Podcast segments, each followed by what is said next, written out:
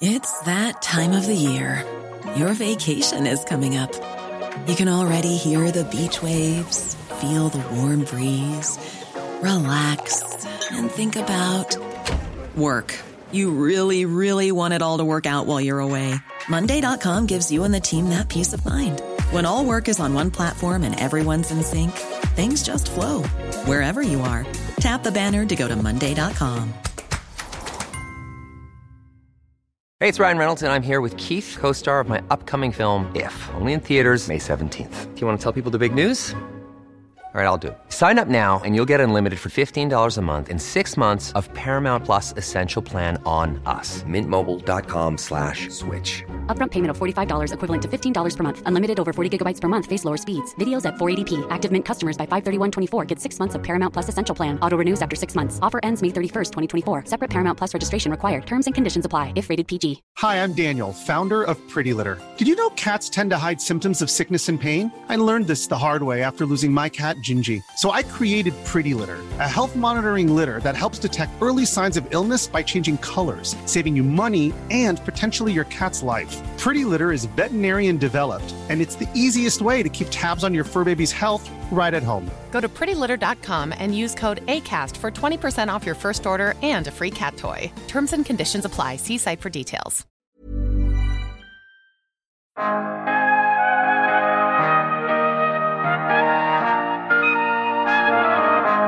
Man kan ju också vända på det och se att här har vi någon som har skapat ett decentraliserat finansiellt system säkert utan någon mellanhand, utan en bank som behöver byggnader och personal och utrustning och transporter och all den infrastruktur som krävs för att få ett, ett traditionellt bankväsende att fungera. Ser man det på det sättet så är det ju helt plötsligt inte kanske så vårdslöst utan kanske till och med någonting som fler borde fundera över.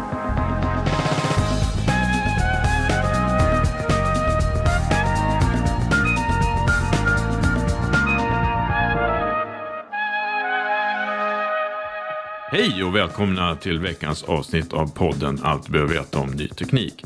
Jag heter Per Danielsson. Förbjud energikrävande utvinning av kryptovalutor i Sverige. Ja, det dundrade generaldirektörerna för Finansinspektionen och Naturvårdsverket på Dagens Nyheters debattsida nyligen. Och det här är inget nytt när kryptovalutor diskuteras. Energislukandet för att utvinna kryptovalutor hamnar ofta på minuskontot i debatten om valutornas framtid. Men hur ser det här ut i ett globalt och större perspektiv? Är det så illa som en del framhäver? Och vilka initiativ sker just nu för att minska energiåtgången och att använda mer och mer fossilfria energikällor? Vilka är mekanismerna bakom utvinningen av kryptovalutorna?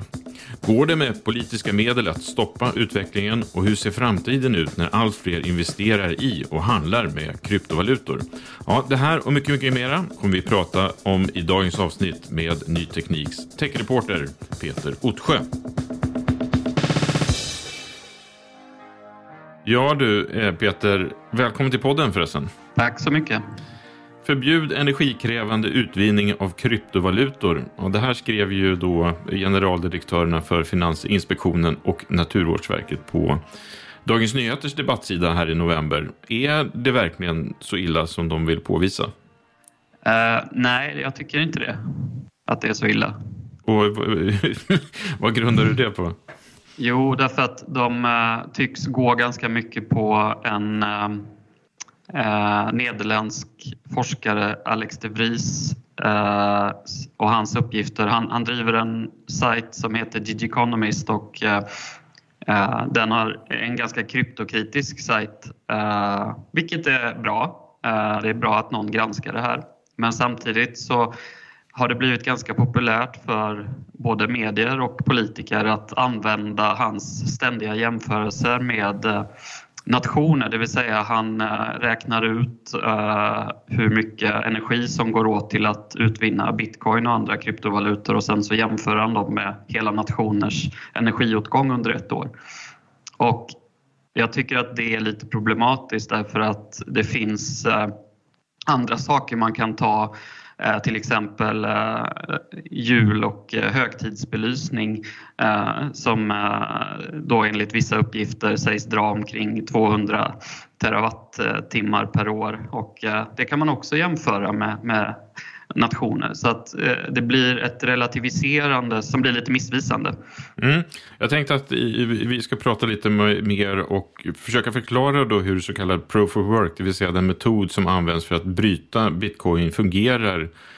Och även då sätta de här alarmerande siffrorna i något större sammanhang som du brukar vara bra på. Och samtidigt också prata även om de energisnåla alternativ som flera tunga blockkedjeplattformar ser, ser framför sig att gå över till framåt. Men eh, vi kanske skulle börja med att förklara liksom, vad är en blockkedja? Vi pratar så mycket om det men alla kanske inte kan säga det på rak arm. Nej, en blockkedja är egentligen bara en databas med speciella egenskaper. Man samlar transaktioner eh, i små datapaket. Eh, de kallas sen block och eh, blocken är kryptografiskt länkade till varandra. Eh, så när en blockkedja är helt ny så, så börjar den med ett första block som, som har en samling data i sig och sen så länkas den till nästa block och det, eh, de är kryptografiskt eh, länkade.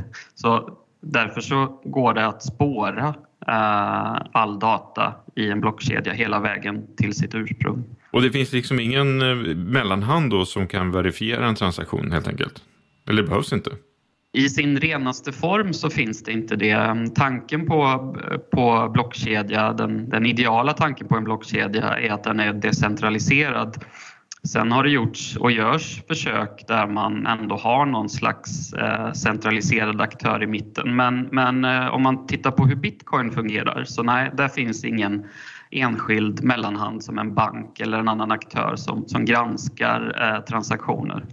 Så att det bygger alltså på att en tillitslös överföring, det vill säga om du och jag inte kände varandra så skulle vi ändå kunna eh, vara trygga med att jag för över eh, tillgångar till dig eh, och vi kan vara säkra på att det går till som det ska utan att vi någonsin har vi vet inte ens vem den andra är. Liksom. Nej, så, så pratas det om det här då, proof of work. Vad är det egentligen? Ja, proof of work, om man översätter det, och det kan man göra, så, så betyder det bevis på arbete. Och det är ett sätt som man då eh, använder eller som, som möjliggör tillitslösa överföringar. Eh, det är en så kallad konsensusalgoritm och det betyder att man har ett nätverk, blockkedjan, och i eh, nätverket så finns det ett antal noder och det är egentligen öppet för vem som helst att upplåta processorkraft till att eh, fungera som en sån här nod.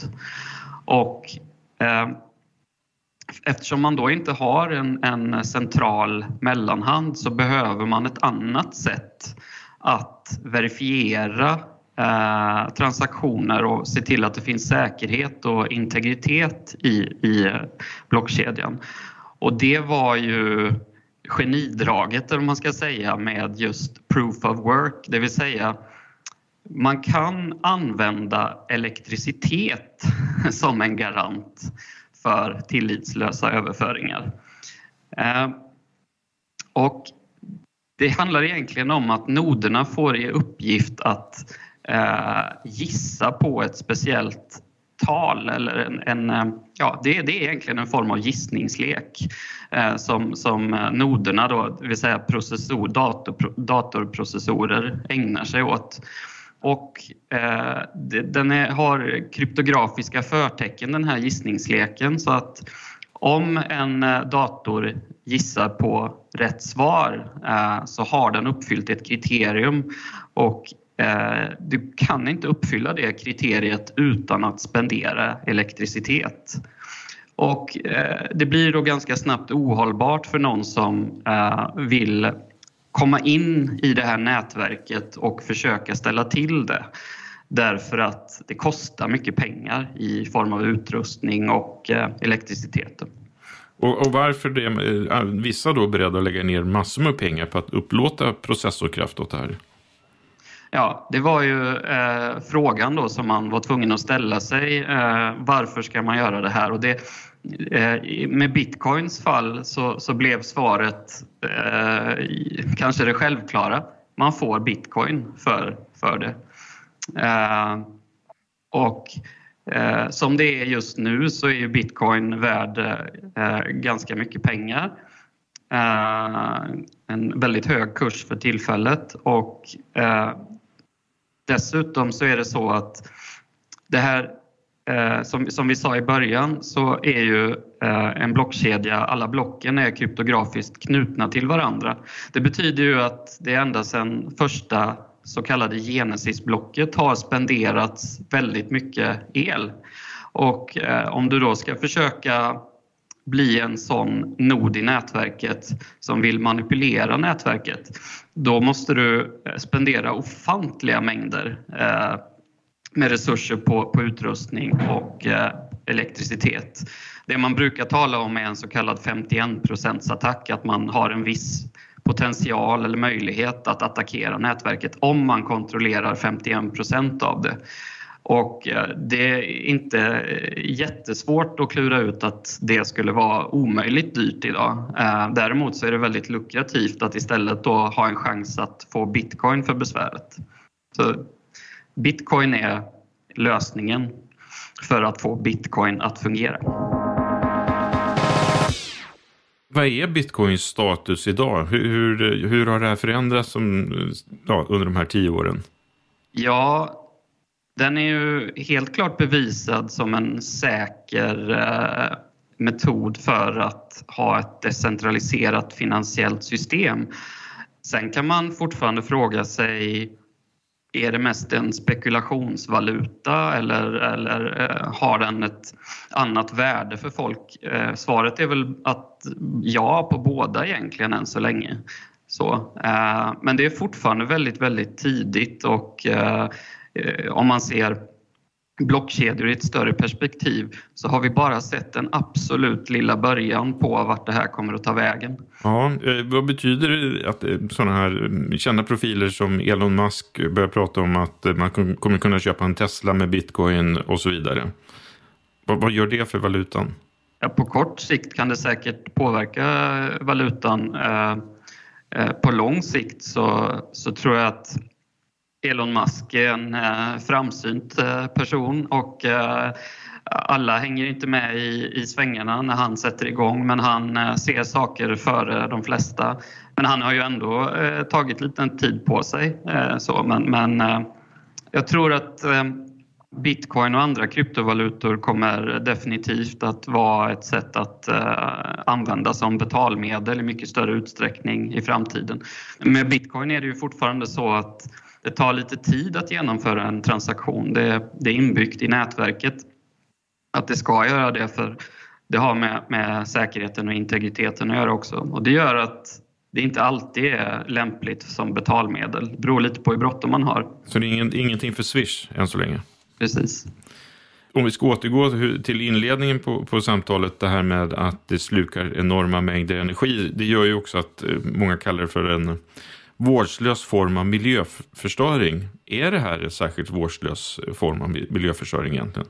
Ja, det finns olika sätt att, att se på det. Eh, en del tycker ju att det är vansinne att man ska upplåta massvis av datorer i stora serverhallar som eh, koloniserar jordklotet med att lösa vad de säger är poänglösa eh, mattetal eller ägna sig åt gissningslekar.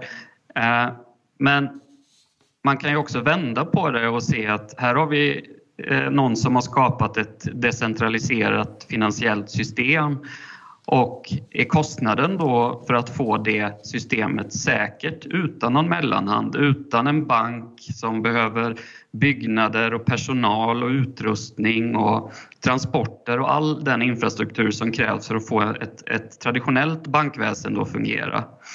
Eh, Ser man det på det sättet så är det ju helt plötsligt inte kanske så eh, eh, vårdslöst utan kanske till och med ett, någonting som, som fler borde eh, fundera över.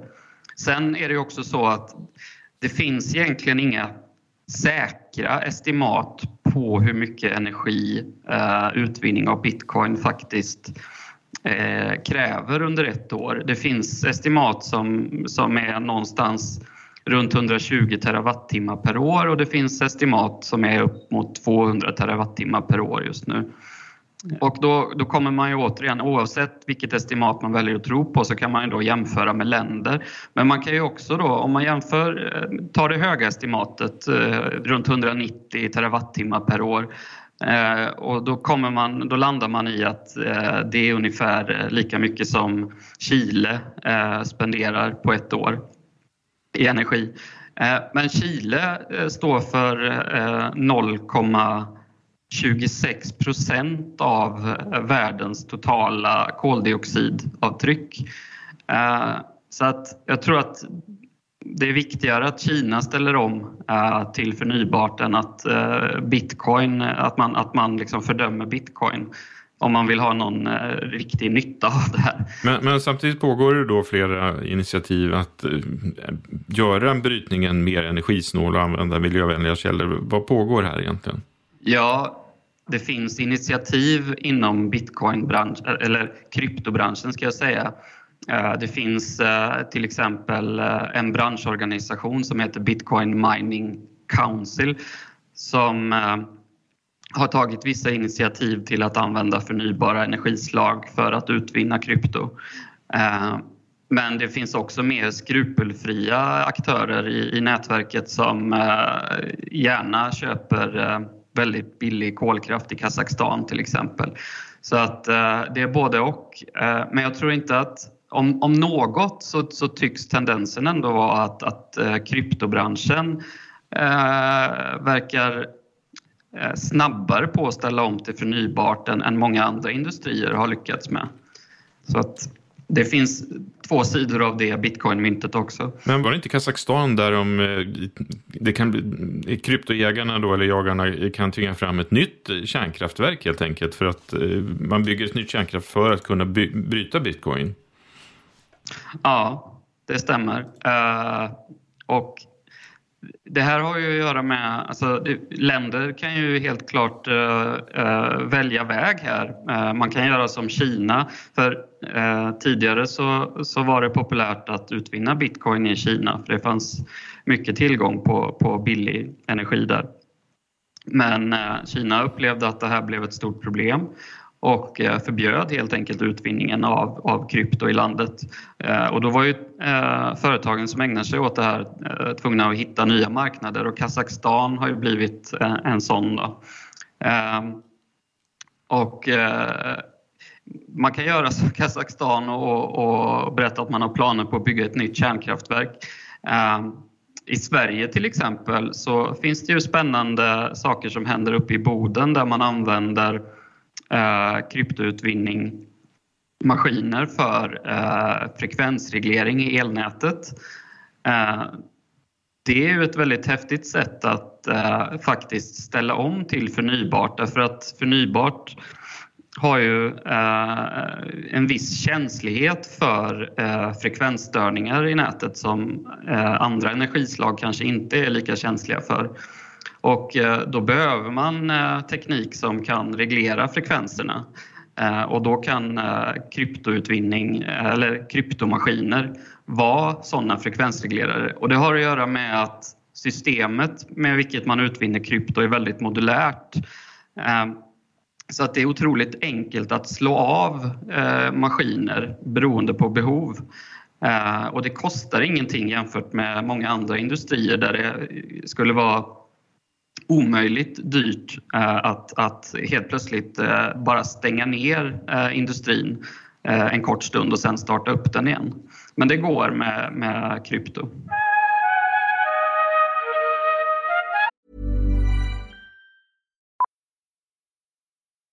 Millions of people have lost weight with personalized plans from Noom. Like Evan, who can't stand salads and still lost 50 pounds. Salads generally for most people are the easy button, right? For me, that wasn't an option. I never really was a salad guy. That's just not who I am. But Noom worked for me. Get your personalized plan today at Noom.com. Real Noom user compensated to provide their story. In four weeks, the typical Noom user can expect to lose one to two pounds per week. Individual results may vary. Hiring for your small business? If you're not looking for professionals on LinkedIn, you're looking in the wrong place. That's like looking for your car keys in a fish tank. LinkedIn helps you hire professionals you can't find anywhere else, even those who aren't actively searching for a new job but might be open to the perfect role. In a given month, over 70% of LinkedIn users don't even visit other leading job sites. So start looking in the right place. With LinkedIn, you can hire professionals like a professional. Post your free job on linkedin.com slash achieve today. Hi, I'm Daniel, founder of Pretty Litter. Did you know cats tend to hide symptoms of sickness and pain? I learned this the hard way after losing my cat, Gingy. So I created Pretty Litter, a health monitoring litter that helps detect early signs of illness by changing colors, saving you money and potentially your cat's life. Pretty Litter is veterinarian developed, and it's the easiest way to keep tabs on your fur baby's health right at home. Go to prettylitter.com and use code ACAST for 20% off your first order and a free cat toy. Terms and conditions apply. See site for details. Since 2013, Bombas has donated over 100 million socks, underwear, and t shirts to those facing homelessness. If we counted those on air, this ad would last over 1,157 days. But if we counted the time it takes to make a donation possible, it would take just a few clicks. Because every time you make a purchase, Bombas donates an item to someone who needs it. Go to bombas.com slash ACAST and use code ACAST for 20% off your first purchase. That's bombas.com slash ACAST, code ACAST. Ever catch yourself eating the same flavorless dinner three days in a row? Dreaming of something better? Well, HelloFresh is your guilt free dream come true, baby. It's me, Gigi Palmer. Let's wake up those taste buds with hot, juicy pecan crusted chicken or garlic butter shrimp scampi. Mm. Hello Fresh. Stop dreaming of all the delicious possibilities and dig in at HelloFresh.com. Let's get this dinner party started.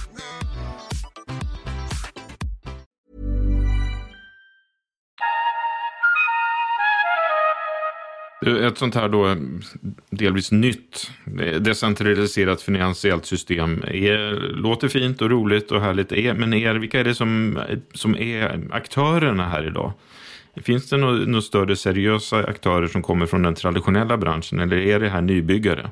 Eh, det är både och, eh, men den traditionella branschen tycker om traditionella sätt eh, och vill gärna liksom bända in Eh, blockkedjeteknik i traditionella sätt, det vill säga att man har eh, en, en halvt om halvt eh, decentraliserad, ett, ett halvt om halvt decentraliserat system. Så, men det är, sam, det, det, det är samma där, det är lite för tidigt att, att säga var det kommer att landa någonstans. Men jag tror ju att kryptoidén är ju att det ska vara helt och hållet decentraliserat. Det är då man får de stora effekterna. Det finns gott om eh, seriösa aktörer i kryptocommunityt. Eh, Bara i Sverige så har vi ju Chromaway till exempel som eh, gör väldigt häftiga saker och som har varit med på vår egen 33-lista eh, Mm, tre exakt. gånger. Eh, vi har en kryptomäklare som heter Safello. Eh, det finns gott om företag som, som definitivt har liksom gott renommé och är seriösa aktörer här. Men det finns också såklart eh, sådana som eh, ser chansen att göra ett snabbt klipp. Det kommer ju att Det är fortfarande väldigt mycket en, en guldrush Ja. också. Vi hade ett avsnitt för några veckor sedan eh, där vår, din kollega, eller vår kollega Simon Campanello pratade om eh, metaverse eh, och den, ja, vad som kommer hända där. Och där är ju kryptovalutor en, en viktig del, eller kryptoteknik. Vad, vad är din take på det här? Jo, så här är det med kryptovalutor. Till exempel när man för över bitcoin. Och vi pratade om det att det är ett tillitslöst system. Eh, det man för över är ju egentligen en datafil. Eh, det är ju inget mynt i någon egentlig mening eh, utan det är en datafil man för över och så har man kommit överens om vad den är värd. Och när man då kan göra eh, göra det möjligt att föra över datafiler som är unika och som inte kan kopieras och som bara kan ha en ägare åt gången. Då finns det ju ingenting som säger att det bara ska röra sig om det vi kallar för kryptovaluta. Utan det kan ju vara vilken datafil som helst. Och det är det som har börjat eh, populariseras med det som kallas för NFT. Det är precis det jag sa just nu. Det står för Non-Fungible Token men, men det handlar om unika datafiler eh, som bara kan ha en ägare åt gången. Och om vi då tänker att vi ska bygga ett eller flera virtuella världar eh, så, så är, är, går det ju ganska snabbt att tänka att där kan konstnärer och andra kreatörer eh, skapa innehåll som de dessutom kan eh, hitta en, en, eh, bra affärsmodell för. Och även där skulle de ju kunna slippa mycket av eh, de mellanhänder som idag kontrollerar marknaden om man tittar på musik till exempel. Eh, så man kan få en snabbare direktkontakt med sina fans på det sättet. Så att den ekonomin som kommer att växa fram kring det vi kallar för metaverse nu, den är potentiellt sett helt enorm och där kan ju krypto äh, spela en väldigt, väldigt, väldigt stor roll. Mm. Om vi återgår till, till Swish och bitcoin med Swish, är det ens realistiskt att tänka att det kommer finnas framåt? Ja, om man äh, har eh, möjligheter att eh, föra över pengar snabbare med, med andra typer av metoder. Eh, jag är lite osäker på exakt eh, hur det skulle gå till och vilka metoder man i så fall skulle använda men jag vet ju att det görs utveckling på den fronten. Till exempel att man eh, eh lägger ett eh, särskilt protokoll ovanpå bitcoins blockkedja som eh, kan eh, så att säga sköta det där snabbare men att det sedan ändå verifieras längre ner i, i eh, nätverket. Men, men, tror du att det kommer bli så att eh, vi som privatpersoner kommer ha eh, i vår mobilbetalningsapp oavsett vilken det är eh, bitcoin som ett betalalternativ precis som vi har kanske Klarna-konto eller ett betal- Visakort med, eller ett bankkort? Ja, om man eh, hamnar i ett läge där man ser att det är smidigare och bättre och enklare. Ehm, till exempel ehm, just nu så, så eh, befinner jag mig i Barcelona och, och eh, jobbar här nere under en period. Och min eh, dotter går i skolan och eh, vi var tvungna att betala för hennes eh, skola här och eh, skulle föra över pengar från Sverige till den skolan. Och det var eh, väldigt mycket frågor från banken om, eh, som, som de nämnde aldrig penningtvätt men vi fattar ju att de undrar vad fasen vi ska föra över så mycket pengar för. Det hade ju kunnat skötas mycket smidigare med, med en kryptovaluta. Så att om kryptovalutor hamnar i ett läge där kunderna känner att det är enklare, smidigare, lättare, fler fördelar, så absolut. Men där är vi inte än. Mm. En liten sidogrej här är ju Riksbankens arbete med e-kronan som jag vet att den har du bevakat och skrivit om. Vad är läget där och vad tror du om framtiden för en svensk e-krona? Jag vet inte riktigt vad jag ska tro om den. Eh, de har ju inte gått på det decentraliserade spåret helt och hållet och det kanske skulle vara svårt med tanke på att det är Riksbanken som, som utvecklar det här. Ehm, så om man kommer att kunna utnyttja en kryptovalutas alla möjligheter har jag svårt att se. Däremot så förstår jag att Riksbanken behöver eh, verkligen hitta ett alternativ med tanke på att eh, vi i Sverige är så totalt ointresserade av att använda kontanter. Mm. Vi ska avrunda här och då tänkte jag vi avsluta med det vi började med, den här oron då från eh, utomstående myndigheter och eh, ja, tyckare kanske. Tror att vi kommer att se en fortsatt debatt kring eh, energiåtgång och kryptovalutor och tal om förbud mot den här typen av verksamhet på grund av det. Ja, det tror jag väl att den debatten kommer att pågå ett tag till i alla fall. Men sen är det ju så här att det finns ju... För det första så, så kan man eh, se att eh, det, det finns möjlighet till regleringar som inte är rena förbud, eh, som ändå styr kryptobranschen i en riktning mot förnybara energislag och att man faktiskt kan använda de synergier, vi pratar om frekvensreglering till exempel i elnätet, för att hjälpa till med omställningen till förnybart istället för att skälpa den som en del då tycker eh, verkar vara scenariot de ser framför sig.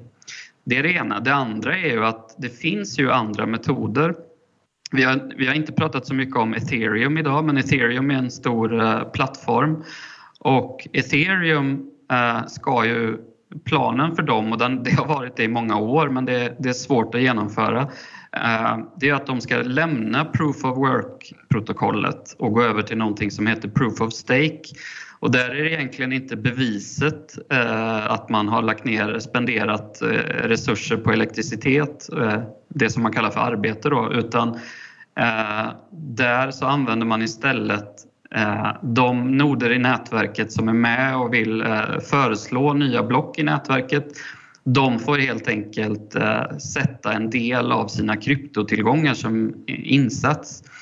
Och eh, förenklat sett kan man väl säga att tanken är då att om man missköter det systemet så kan man då bli av med de här kryptotillgångarna. Och ju fler kryptotillgångar man har eh, desto större chans är det att man är med och, och kanske får eh, en, en del ny kryptovaluta eller att man tjänar pengar på transaktionsavgifter och så vidare.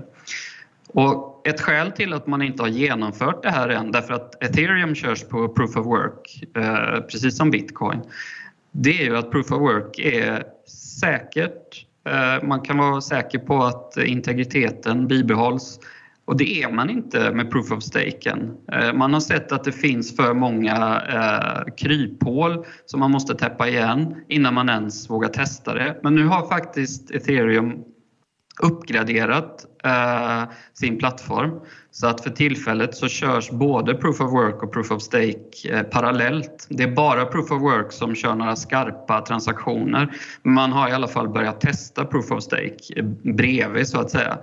Eh, och tanken är att det ska rullas ut nästa år eh, under 2022 men det har å andra sidan sagts i ganska många år. Eh, så vi får se. Men om det är så att Proof of Stake visar sig vara lika säkert eller åtminstone i praktiken lika säkert, att det inte spelar någon roll att det finns vissa kryphål. Eh, då kanske den här debatten dör ut ganska snabbt och då ska det också bli väldigt intressant att se vad som sker i maktbalansen mellan ethereum och bitcoin.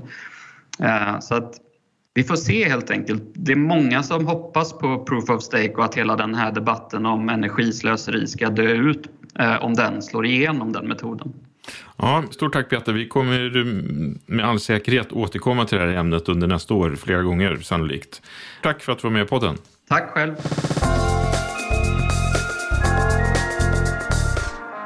Ja, vi säger då tack till Peter Ottsjö för att han var med i podden den här gången. Han lär dyka upp flera gånger. Gör som tusentals andra och klicka gärna på prenumerera så missar du inget avsnitt. Och du får jättegärna rekommendera podden till personer som du tycker borde lyssna på det här. Vi hörs nästa vecka. Tack så mycket. Hej då!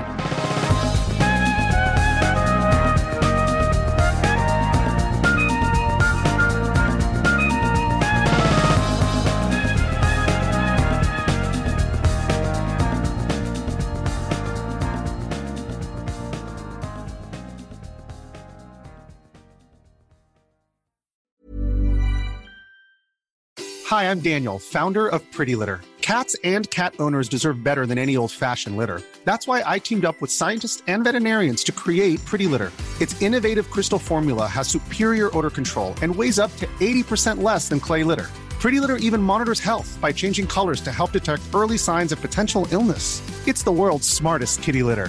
Go to prettylitter.com and use code ACAST for 20% off your first order and a free cat toy. Terms and conditions apply. See site for details. Hold up. What was that? Boring. No flavor. That was as bad as those leftovers you ate all week. Kiki Palmer here, and it's time to say hello to something fresh and guilt-free. Hello Fresh. Jazz up dinner with pecan-crusted chicken or garlic butter shrimp scampi. Now that's music to my mouth. Hello Fresh. Let's get this dinner party started. Discover all the delicious possibilities at hellofresh.com. Hi, I'm Daniel, founder of Pretty Litter. Cats and cat owners deserve better than any old fashioned litter. That's why I teamed up with scientists and veterinarians to create Pretty Litter. Its innovative crystal formula has superior odor control and weighs up to 80% less than clay litter. Pretty Litter even monitors health by changing colors to help detect early signs of potential illness. It's the world's smartest kitty litter. Go to prettylitter.com and use code ACAST for 20% off your first order and a free cat toy. Terms and conditions apply. See site for details.